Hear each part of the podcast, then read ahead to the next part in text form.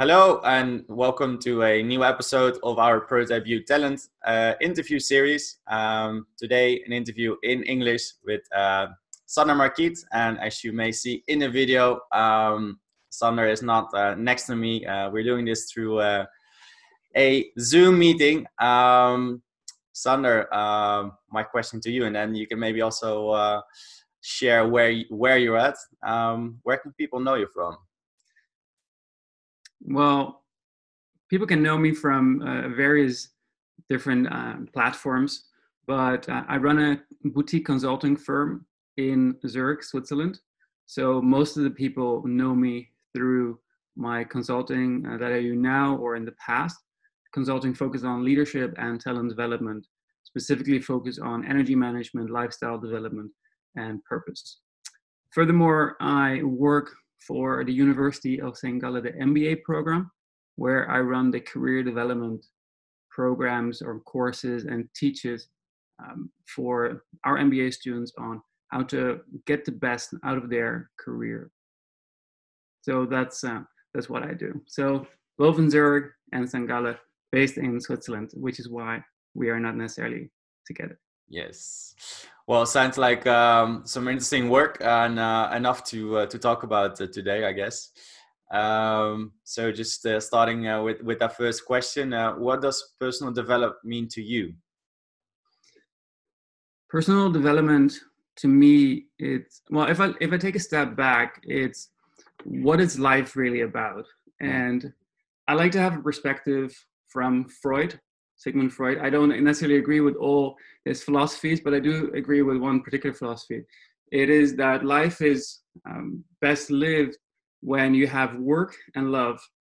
I think those two components come uh, come into play with every human being, hmm. and everything that contributes to either work and or love is an act of personal development as well as the development of others in work obviously for the added value that you deliver to others. Um, but in love, it's also what you give to others and receive. So every act in work and love is supposed to be something for others as well as for your own development. So hopefully that, uh, yeah. to an extent, allows what personal development means to me. And then love is a bit broader than a romantic relationship, I guess. Yes. Yes. So love is um, in that in that regard yeah traditionally we think of love as in that partner relationship but love is um, is far broader than that. It starts with self-love um, called uh, zero love 0.0 from barbara fredrickson uh, positive psychology research and then 1.0 which is the traditional notion of love is that romantic love between uh, man and women or man and man women and women or however you want to want to frame mm. that. Um, then it's 2.0 which is a fascinating one which is every moment of interaction that you can have with anyone, these micro moments of pos- positivity resonance, is that small happiness, that smile which you give to the cash register, um, just saying hi to your neighbor. All of that are acts of love. Yeah. Um, but also, then there's a love in a broader sense is the love for the universe, the world, and all those different aspects. Nice. I like that. Work and love. work and love and yeah. then for me so i so work and love those are the, the cornerstone. But in order to have work and love done well is you need to have energy. Mm. you need to have on the personal side you need to be able to give to love and you need to be able to be give to work. In order to do that you need to have energy. So what what that means is you need to be able to take care of yourself of the fundamentals of yourself. That means eating moving sleeping uh, breathing posture all of these factors come into play into how can we show up better for ourselves in order to show up better for other people in our mm-hmm. lives. Yeah. Cool. Um, speaking of work um, what was the toughest decision you ever had to make uh, at work? And how did you go about making that decision um, that tough decision I unfortunately I can't go into too many details on on the decision itself um, because it can cause reputational damage to uh, to that particular client. Um, but I think the toughest decision in general are are decisions that um, that go against or potentially go against your line of integrity. Mm-hmm. For things where you personally don't stand behind or you don't believe in, mm-hmm. and someone is trying to go against that. So, in, in this particular case, it was a, a potential client who uh, offered a significant amount of money for one of my services, mm-hmm. um, but I didn't stand behind what the client was doing, nor what the client was aiming to do with the services that I would provide. Okay. Um, however, and I found in myself that it was such a substantial amount of money that I say, well, with this amount of money, I can basically have my whole year of, um, I can cover my whole year basically. Mm-hmm. So um, the decision was in that sense challenging, but I, I, I looked at myself and said, well, for how much money will I um, let go of my integrity. And I said, well, I should never be able to let go of my integrity, right? That's for me one of the most uh, fundamental things on on how to live is that our sense of character and our values. Hmm. And um, I asked myself a question, which is, if I look back at this in five years' time, and I ask myself, what decision would have made me proud?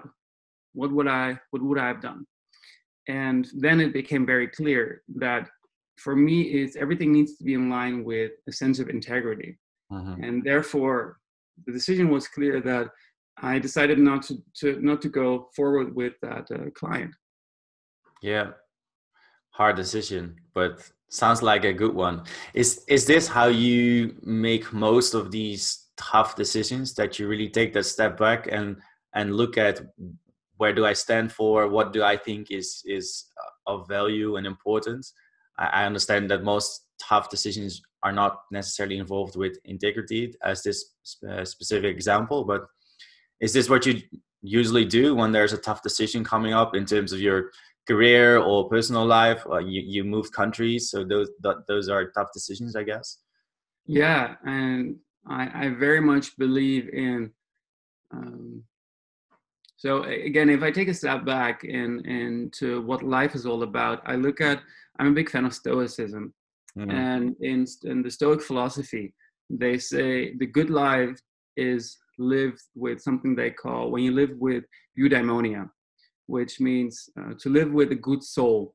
And in mm-hmm. order to live with a good soul, it's they say you need to live with arete, and arete means to live with excellence, to be the best version of yourself possible moment to moment to moment. And in order to do that, you need to live with your values. You need to have an integrated sense of who you are, what you stand for, and, and how you want to live, have a philosophy for life. So, yes, with all decisions I make or I want to make in order to live a good life, I need to see is it in line with who I am, with my sense of identity on how do I want to live and um, and my values that are connected to that. Mm. Um, but the, the challenge is most decisions um, have to go on the fly. Or you most of most of the time we don't have that time to really go like, well, is this actually in line with my values? All all of a sudden, so it, it most decisions just have to go fast and fast. And sure.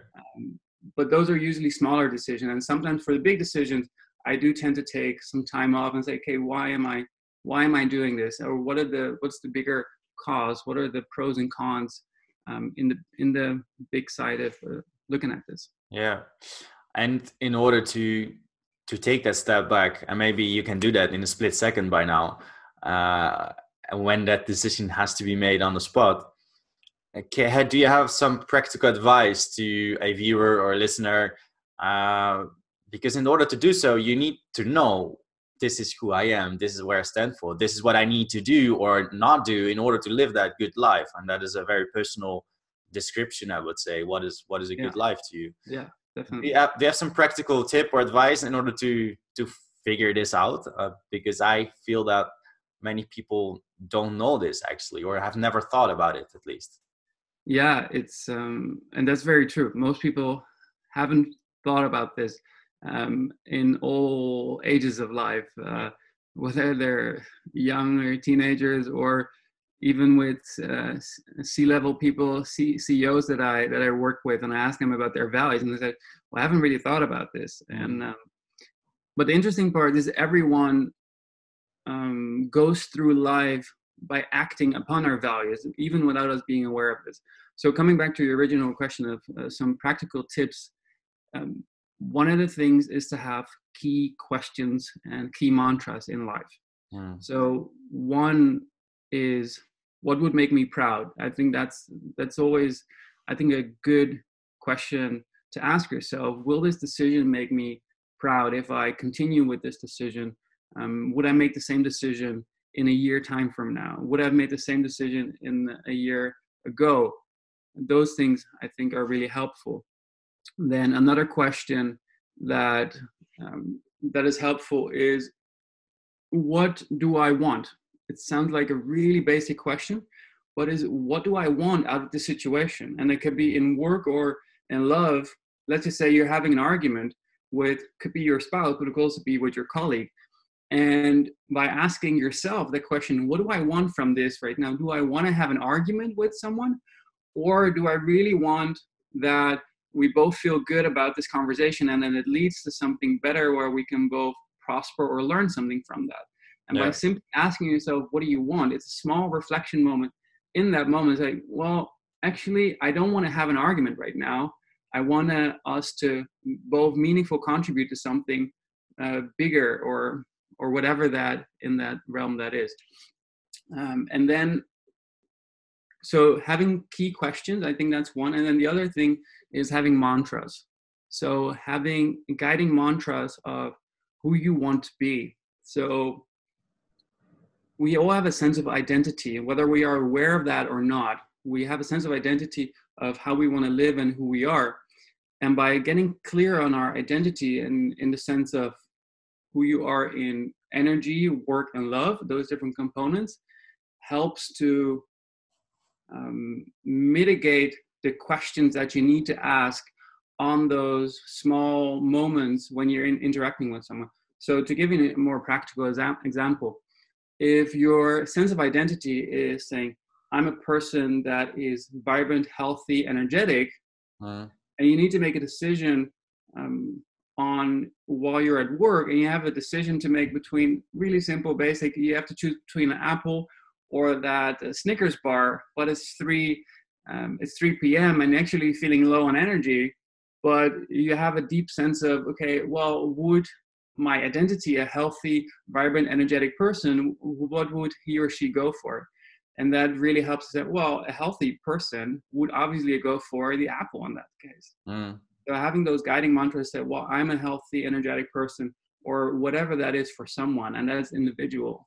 I think that really helps to um, find that cornerstone of who you want to be, how do you want to live, and in order to make better decisions of um, that are in line with your values and um, yeah, those things. Yeah, it's it's it's all about uh, setting your boundaries actually, and and knowing what they are and and living living according them. Uh, yes. In, in our our work methodology, uh, we have this exercise which is called view on life and view on work which is all, all about writing down uh, maybe one big mantra of uh, 250 words approximately like this is where i stand for and obviously i've done that myself and i often think back to this i don't know the the the, the text exactly by heart but i know the essence and yeah. uh, with some decisions i know and this is uh, what you what you just shared with huge amount of money but it goes against some some ethical values you have. Like then if you are if you can be honest with yourself it's easy to say in the end it's easy to say no because you know it will influence you in a in a good way that decision. Yeah and i think you one of the things i want to riff on is what you say is if you're honest with yourself and that's one of the things that's so challenging from time to time right yeah. it is is it really what you want or not and uh, how to be in integrity with ourselves is mm-hmm. sometimes more challenging that uh, um, than we want yeah because there's so many influence from outside and inside that sort of go against on how most of us want to live so yeah. it's, uh, it's an interesting uh, concept to think about more and more for, for each individual obviously. Yeah yeah. Ego comes in place and then uh, yeah exactly. There's so many things. It's uh, yeah. you don't know, know what to do. Um, so you've been talking about um, some things that decisions you've made and and and how this person developed what it means to you. Uh, a question that we ask many many uh, guests is um, with what you know now what advice would you give to yourself 10 years ago? Hmm. 10 years ago. And if you want if it makes it a bit easier you can also opt for the five years ago option. I'm not sure if that would make it easy i'm actually thinking more 15 years ago. Uh, because 10 years ago i was already on uh, to an extent i was already on the on the path that i'm that i'm now. Um, i have two things in mind. One is is to take life less seriously is uh, because everything that's stressing you out right now in five or ten years time you're going to laugh about that right mm.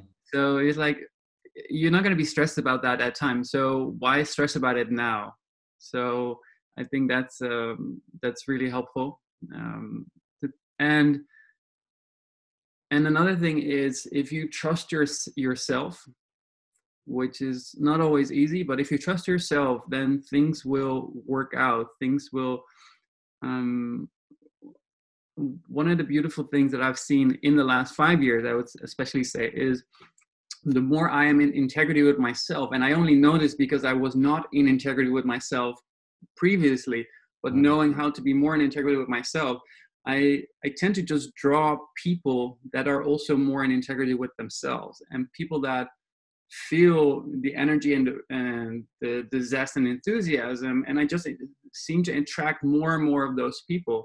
So in both work and in private life. And I think that's the beauty of say, hey, just trust yourself and um, listen less to what other people say and do, which is very hard and very difficult, obviously.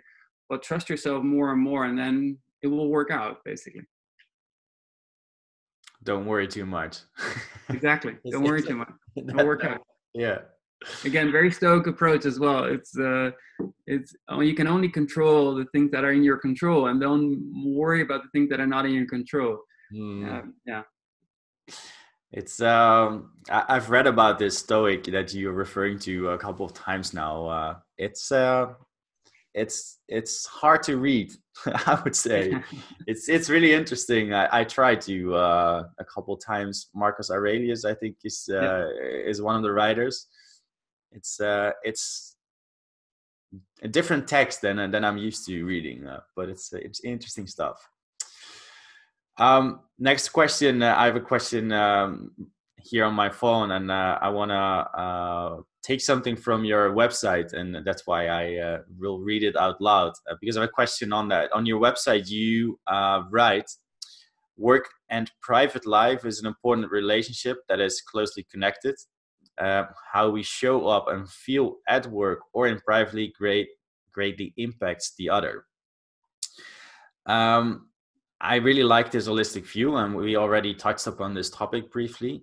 Um, but if we take this to uh, organizations, it's it's more like a holistic view on how people feel, how an employee feels. Um, what's your opinion on uh, in your work? What what do you notice? How do organizations deal with this? Because I often, uh, well, uh, just I leave the question like that because otherwise I might influence your answer already. I would say it's very cultural, culturally dependent. Um, so a lot of the work I've been doing over the past few years is in Scandinavia. Okay. Where in Scandinavia, if uh, it's it's a bit more feminine culture or or more feminine oriented, uh, which are more soft skills, soft values, are integrated more into the work life uh, compared to um, more Germanic countries mm-hmm. or the more the more uh, south you go. So having the, but in general in Europe and in the Western world, I would say that holistic view is not there um, yet, or not to the extent where I think it really adds value. Um, to speak in more business terms, it's if we look at productivity, the human productivity has stagnated over the last 20 years. If you look at the, the amount of hours that we work in combination with the output that we have, we are working more hours, but we're not producing more output on the human side. Most of our productivity has come from innovation in technology. Mm. and that human component is not there so why is this the case is um, in a lot of cases it's because we put so much emphasis on that what traditional work side of that technology driven components and not on the human factors that run into play. And in the human factors that run into play is that every human being comes with a full package. You cannot just have your your passion your energy your enthusiasm for work and not also bring your your fears your doubts um, your emotional side your private elements as well to that to that mix. So as an organization it's really important to say both components. If i want to have the the beautiful components of that passion and that enthusiasm from someone i also need to acknowledge that someone also comes with uh, with other elements. And providing that platform to have discussions or dialogues about that is often just what's needed to have that that people have that sense of value being valued. Yeah. and um, and that being valued leads to in general people feeling more uh, or happier. And as we know is the the more happy someone is the higher their productivity is you know so all of these things come come back around. Yeah. What are reasons for organizations not really focusing on this uh, this part? Well i think one of the big reasons it's it's scary to to um, talk about some of the things that are unknown that are things that are behind the mask that we have. Because if everything that you can see you can talk about you can there's behaviors that you you say okay i like this or i don't like that. Mm. but the mental side the emotions the doubts the fears we don't see those things. So we are not generally not willing to touch upon those things because we don't know what that might trigger. Yeah. And um, and this is one of the reasons why we all or not all but a lot of people so leaders are pretending this mask of i am this perfect human being and nothing can touch me and um, if i do this i'm going to be a star um, but that's not reality because we all have also other elements just behind that perfect facade that we have, facade that we have. Yeah. Um, so I think it's this this courage that to have those conversations and providing the platform um, for for leaders, especially to um, to show that they are emulating this behavior and these thought processes and having dialogues about this. Um, because if the leader is not doing this, then no one's going to follow. No. Because the consciousness of the leader is the consciousness that drives other people in the organization. Um, and you, that's true in organizations, as in business organization, but also in in families or in nonprofit organizations or in sports industry or sports club, whatever it is. That the leader's consciousness just triples down to everyone in that organization. So the leader has to be the front runner and to say, um, I am who I am with all the beautiful characteristics that I have, but I'm also not always perfect. And um, and the interesting part, what we see is the more someone does that, the more someone opens up, the more someone invites to be seen. Yeah. And and this is to a large extent what we all want. We want to be seen, hmm. and we want to see other people. And in order to be seen, it means we need to be able to open up and that's the i think one of the crucial role as a leader to do to say to say those elements and therefore allowing to be seen and therefore allowing other people to um, follow that particular vision or belief or just that human side of, of being a leader yeah so so it, it kind of starts with being vulnerable within organizations and the leader yeah. needs to lead that and and then exactly. the rest will naturally feel space to open up yeah and i think with vulnerability i had one of i had interesting discussions with uh, some of my students where we have particular classes on what does it take to be a leader and one of the core components that we talk about is vulnerability. Uh, well the vulnerability just for the sake of vulnerability is is not is not where we want to play because then it's just people trying to search look for attention. Yeah. but it's it's vulnerability that is connected to um, to power, and not in the traditional sense of power, but also performance. Right? If someone is not performing um, and showing that someone is on the top of his or her uh, level and his or her game, um, but is show, so on the low side, but is showing vulnerability. Someone is just usually trying to seek attention. Yeah. So it is this combination of vulnerability and power and performance that really creates that that leader that that we want to emulate. Yeah. Uh, would you say that uh, because I think I think now listening to you, um, something that I often uh, think about is that traditionally uh, the best employee gets the promotion because he, he needs to be compensated for for performing that well and after promotion means becoming manager or leader and then you have the best employee becoming a leader which if you think about it in that sense doesn't make sense at all. Um it are people skills how much more important are they if you talk about leadership? Yeah. Because well, no, knowing how people work uh, it's part of our work. So we we have some obviously some knowledge about that but there there's many people not diving into these topics naturally because of their job. Yeah. And i think it so short answer it's um, fundamental.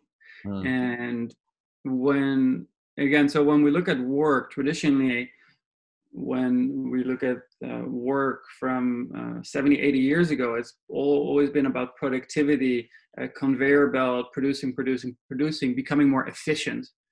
And that mentality has just been keep on going going going. But being efficient is not the element that we want to focus on when working with people then we want to become effective. And yeah. becoming effective starts with understanding well, first of all start with understanding yourself and then starts with understanding others and then utilizing that. So within the work I do with MBA students, this is basically a lot of the work I do, it is on that human component. We have more business courses such as marketing, um, finance, accounting, all those elements. And the realm where I am steering more and more MBA students is well, if you want to become that manager or that leader, where I think there is a difference, that we need to or they need to start understanding that the human component is critical for becoming a good leader because in the end if you're leading 50 people but no one wants to be led by you then it becomes a really challenging yeah. to perform and therefore that best performance is not because of uh, because of you know all the nuts and bolts of how the technical part works but it's because you know how to lead people and how to successfully work with people in combination with work. So it's also not there just the people skills, it's a combination of people skills with performing and knowing what yeah. you're doing. Yeah.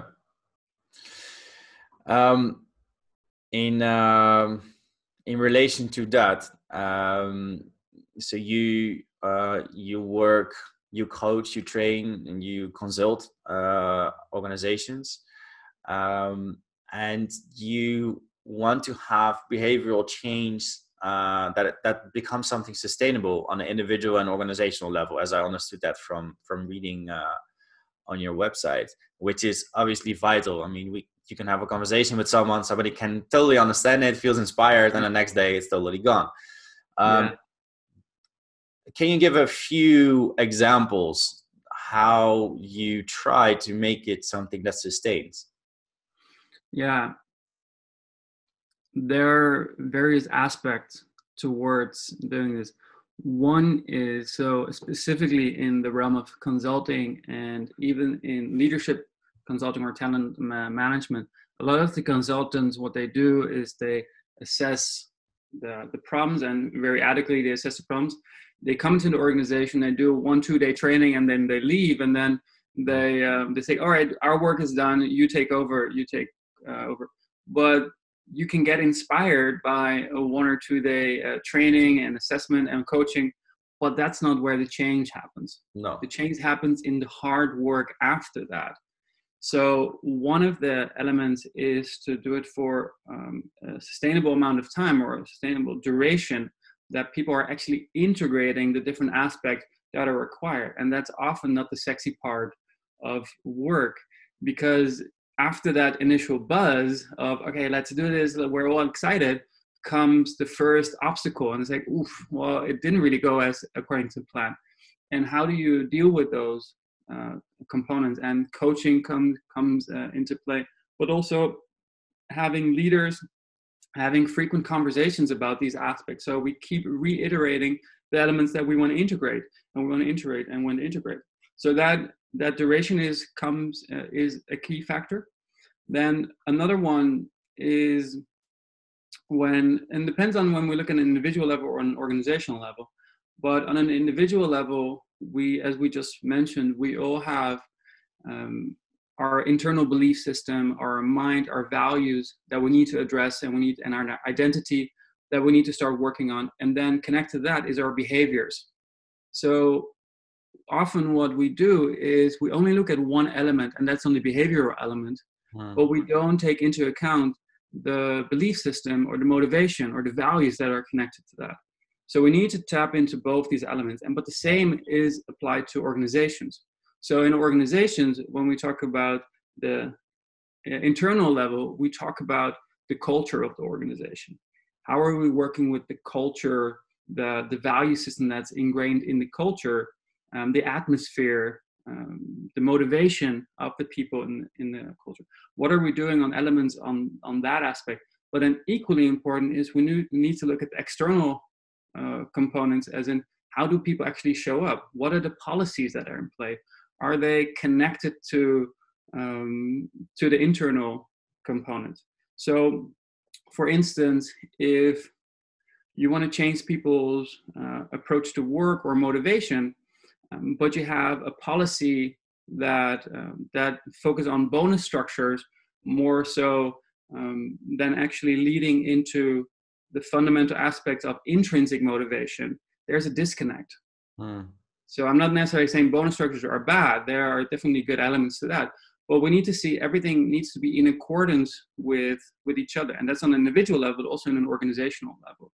And those are definitely different aspects that we need to uh, keep keep in play and then reiterating and continually working on that and that's on an individual level you want to make a change into your diet or your lifestyle it's it very you can try to run a marathon in the first week but uh, after two weeks you're going to get injured right so it's uh, yeah. if you if you haven't if you're not running um, normally so there's we need to have this gradual build up over time and having that humbleness and say, okay, this is a process that takes time, and we need to keep facilitating and iterating those different components. Yeah, I guess uh, there's a huge challenge for you in uh, convincing your potential clients that they need to invest uh, such amount of time because if you invest this this time in people, it means they cannot do their work uh, and earn money for the company.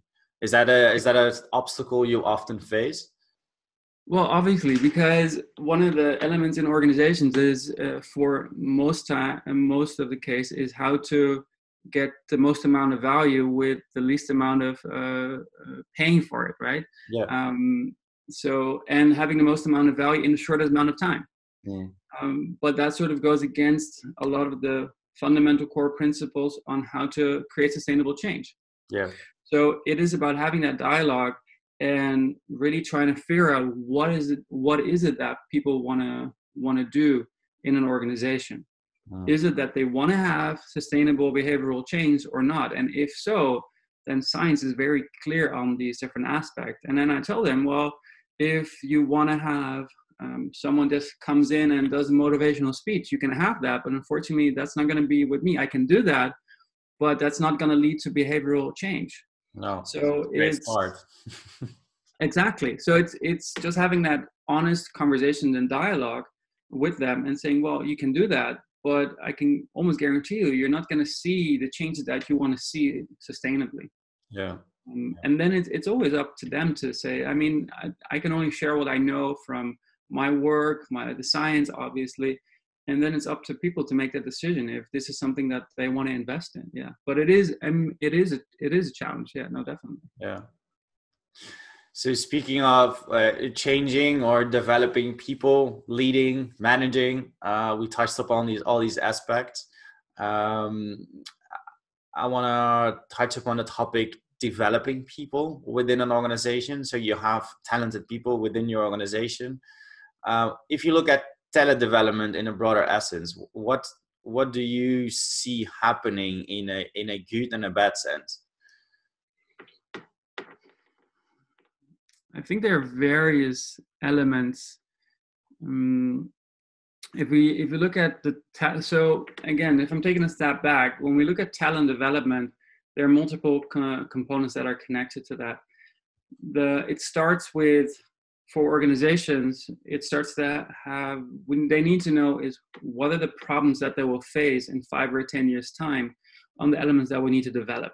Mm. So if we have a better understanding of that's the skill set or that's the amount, that's the people or the mindset that we want to have and cultivate, uh, we need to think ahead. Most organizations don't know what it is that they want. So we need to start having um, a better understanding of that is and having honest and sometimes difficult conversations about this because it takes takes time and you don't figure it out in one go. And when we start to have those conversations, um, then we can start to see okay what is the skill set or the development areas that we need to work on right now? And in order to have that we need to have a sort of an assessment. Mm-hmm. and in order to and that's that bridge between okay if this is what we want how do we know if we're actually going more towards that? And that is that assessment. So one of the positive things that i see more and more in organizations is that they have different assessments to figure out are we going uh, are we in line with those things that we want to have? Um, not necessarily to the extent that if they're going the right way that's a different story but they're having they're having more and more assessments and um, monitoring and i'm not saying monitoring is always good but it just creates an aspect of are we leading into the right uh, direction? Yeah. Um, so i think that's that's an element in talent development that is going that is going right. Then another component where I think that I think they need to focus on more is what we basically our first part of our conversation is this holistic development.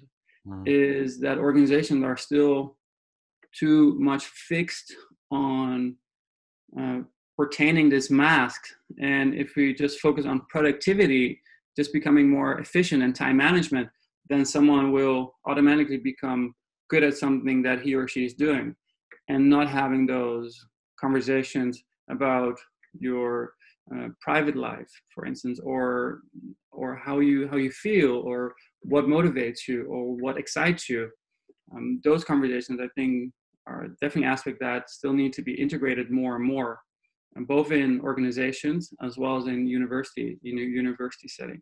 Another component where if i look at society in a whole where it becomes more challenging is actually two components. So it's one, it's technology. So we use technology for force of good, but we also see more and more, and then the work that I do with people, where I do lifestyle development, we monitor people or we assess people over a period of a week time, and we can see how they're doing on their overall lifestyle throughout the day, but also throughout the night. And we see a lot of people are just using their smartphone or work until midnight, trying to get a good night's sleep, but they only sleep five hours. They don't get that quality and that amount of sleep that they need. They the next day they wake up and not feeling energized, or um, because they're not energized, they don't have that focus and productivity that they need. Um, and then it becomes this iterative cycle because in the end of the end of the day, they're so tired that they want to numb themselves out. What they do, they what binge flits on Netflix, they're not eating right, um, those different elements, and then it leads to having a poor amount of sleep, and then that whole cycle comes back back around. Um, so that's an I think conversation that, or not just conversation. I think it's a responsibility to an extent for educational institutes as well as organization and the individual to focus on more more on those different aspects yeah on the fundamentals we, right. Sorry? Get the fundamentals right. Exactly get the fundamentals right because yeah. we we're so increasing our technological advancement but we're decreasing our human capabilities that it's it's in par with each other. So we need to focus more on that human uh, element. So the second part what is that side of fundamentals about technology? So having a better understanding of technology and that that technology is not using us that but we're using technology yeah. for us yeah yeah I, I really like uh, when you talk about this in terms of responsibility. I think it was Volkswagen who um, blocked their work email from 8 p.m. Fantastic. Yeah.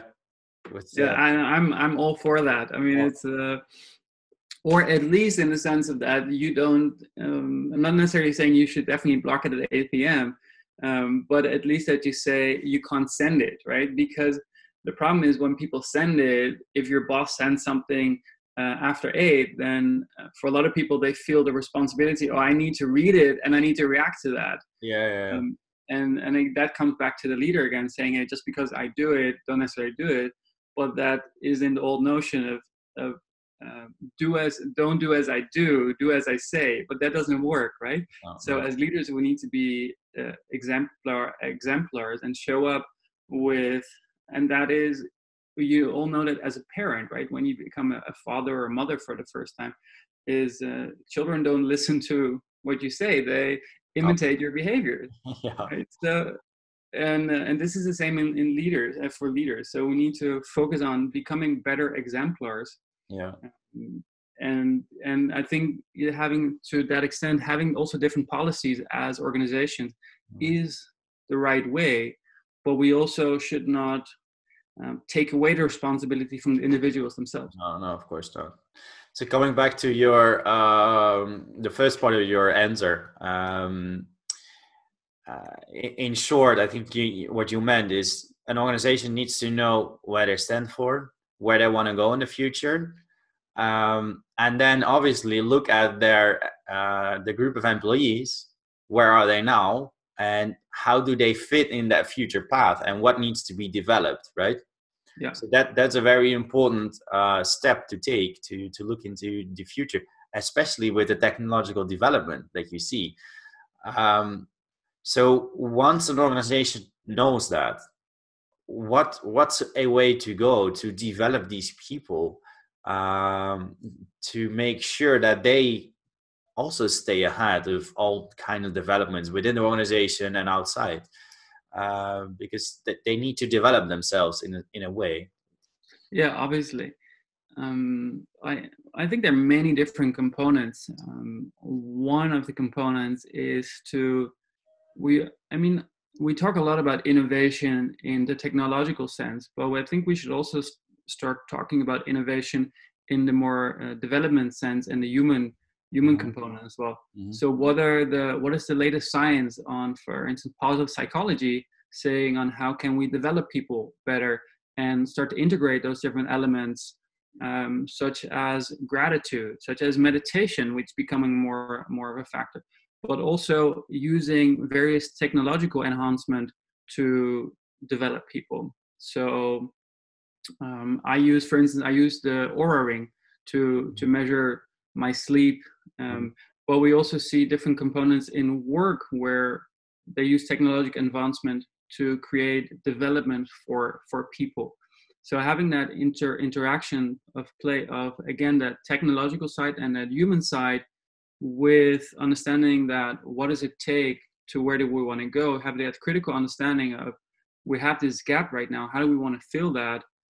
And I don't think there's a one size fit all solution. I think everyone needs to find out for him or herself what that is. Hmm.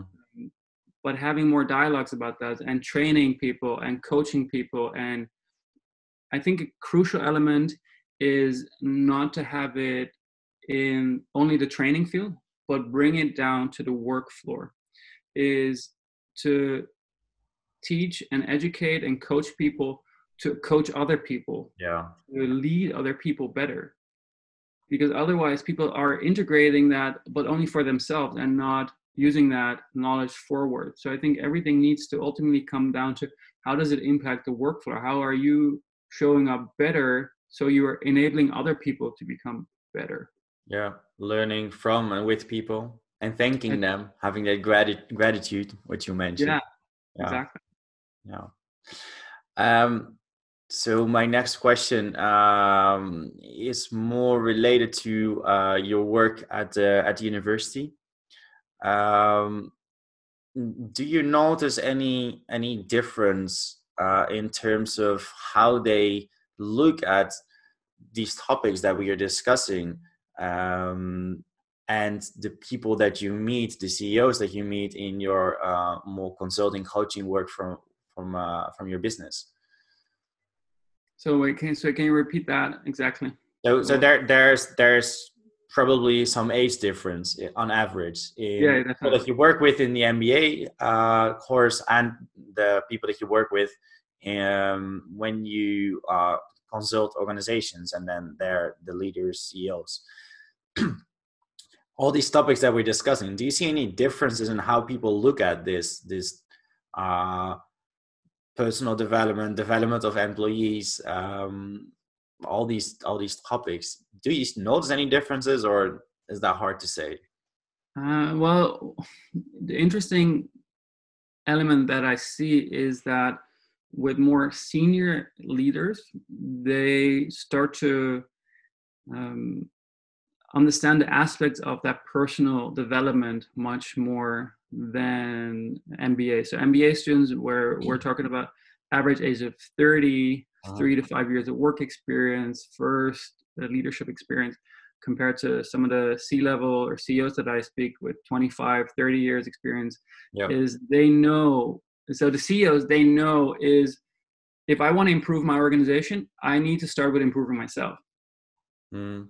Where on an indiv- uh, with MBAs, I still see um, I still see very much I need to get good grades and I need to uh, focus on if I get my marketing and business and accounting and finance aspect right, I'm going to be a good performer and that will gradually get myself uh, better, which is to an extent, it's true as well. But uh, it's also that requires that human uh, human component. And within the conversation that I, ha- that I have, I see the MBA students either one full year or two years is having them with recurring feedback and sessions, having them understand the different aspects of personal development, which is not a fluffy element at all. Hmm.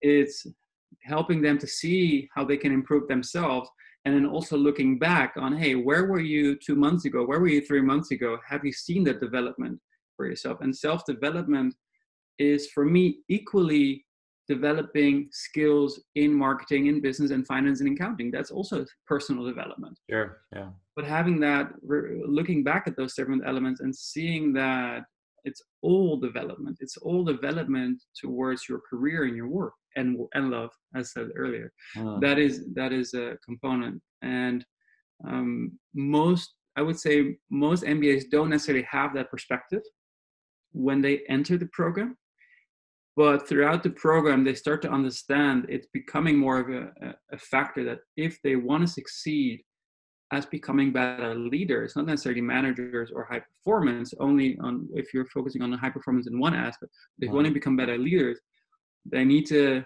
become more serious and start to act more on those personal development aspects as well. Yeah.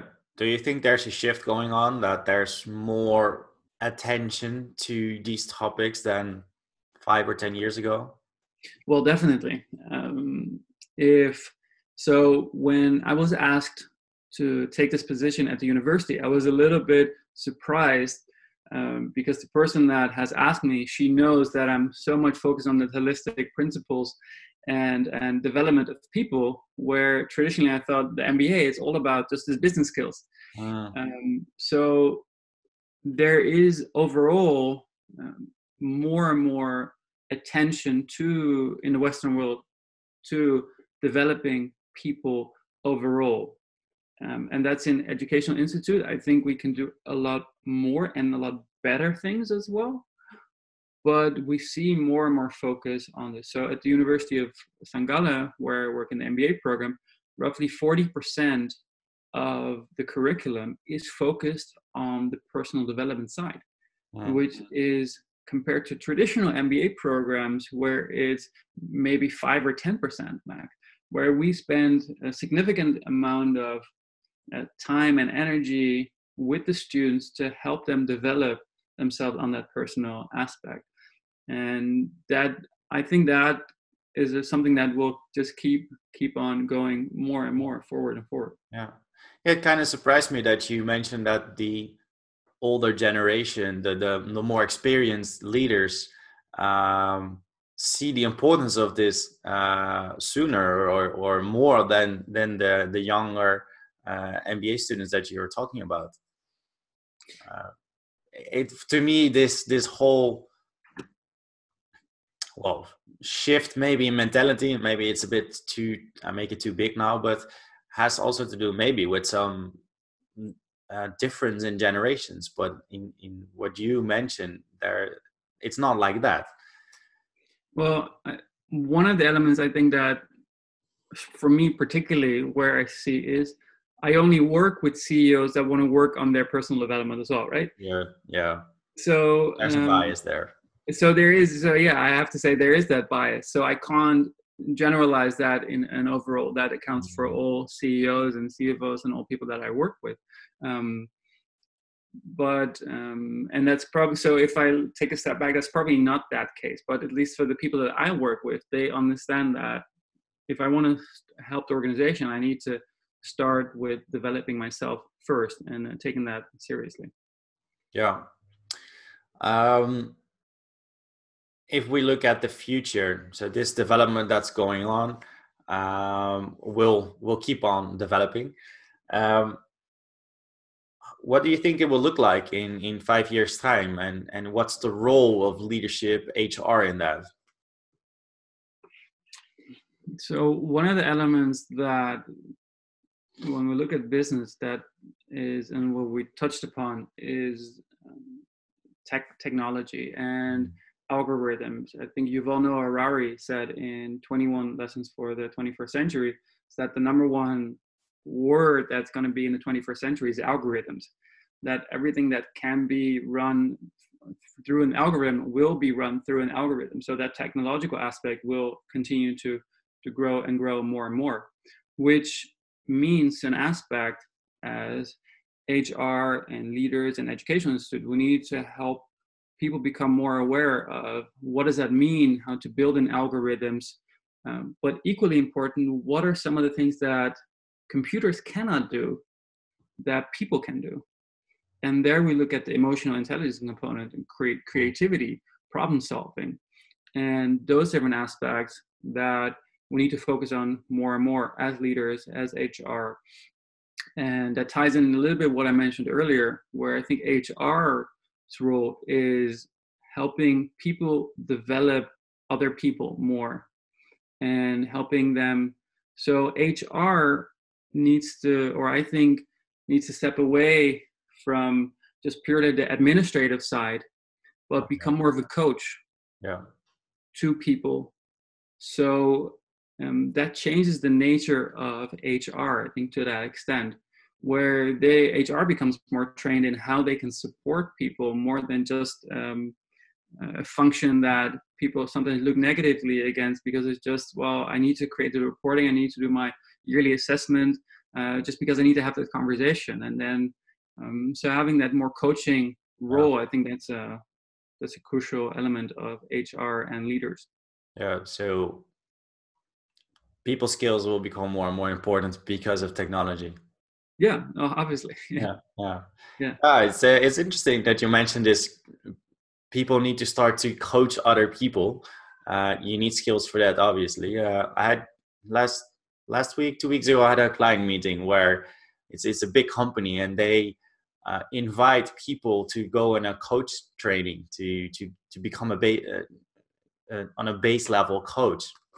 So now in this organization there are many people with coaching skills which is I think is great, great, uh, great development, um, and perfectly in line with what we're talking about today. Yeah, yeah, fantastic to see that more and more organizations are taking responsibility on this and uh, and um, and putting action to this. Yeah.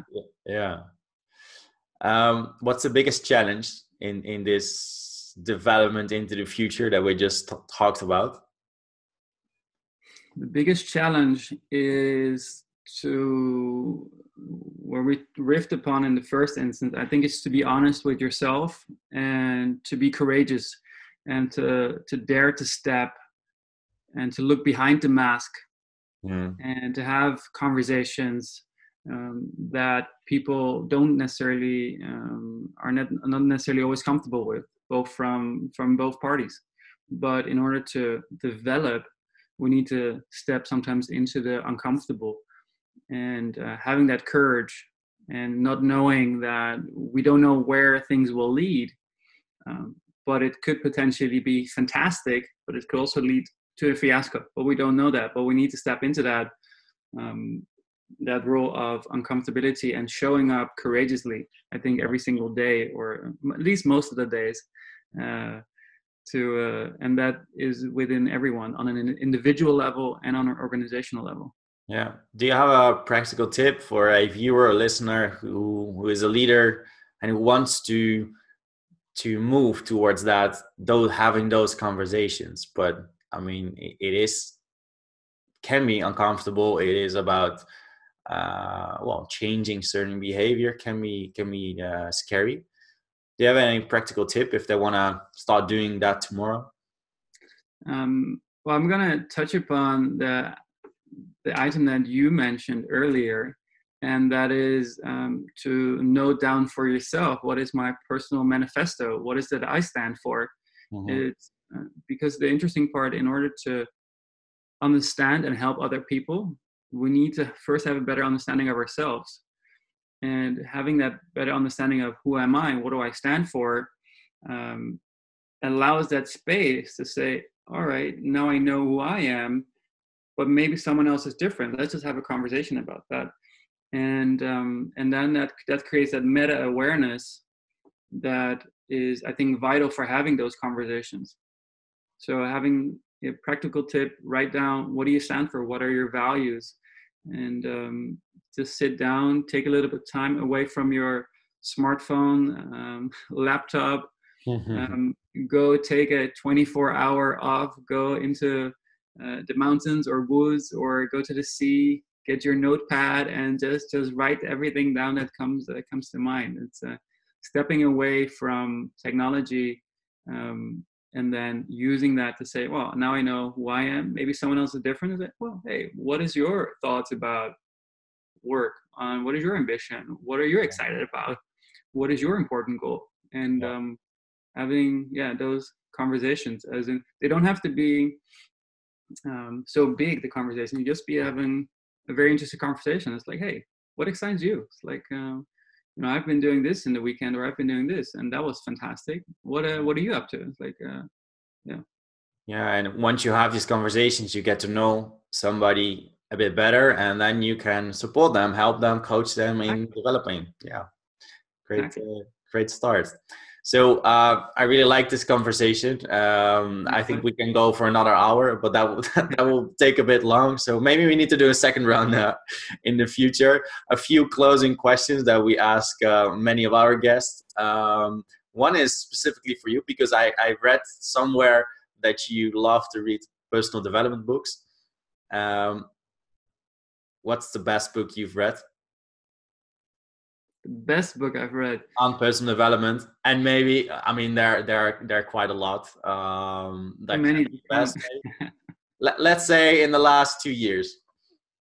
In the last two years, the well, I would say the one that had the most influence on me, and I think this is also uh, a way to gauge if a book is good or you're actually changing yeah, something. Yeah. Um, it's the book from Matthew Walker on why we sleep it is having that fundamental understanding of sleep is the foundation of everything that we do.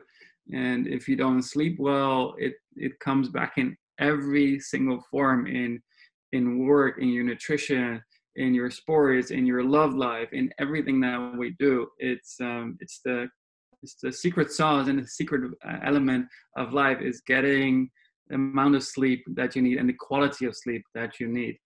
And uh, Matthew Walker, in his uh, book on why we sleep, gave me profound respect and value of the sleep I have, or sometimes I didn't get, and I try to get every single night now. Mm, nice. Um, so, how does your future look like? Where do you want want to go? It's an interesting question that I've been pondering myself as well for the the last one and a half two years. I, I have a, a very good thing, stable thing going on right now, and um, it's either one or two pa- of two paths. It's well, it will always be with the development of people. So that will be a central component of uh, what my life is all about. And then it's and I still have to figure out what what that will be. I don't know. It's I'm on the path that I'm going right now, and I'm supporting a lot of people, and that's going very well. And I can keep on doing this for another five or ten years time.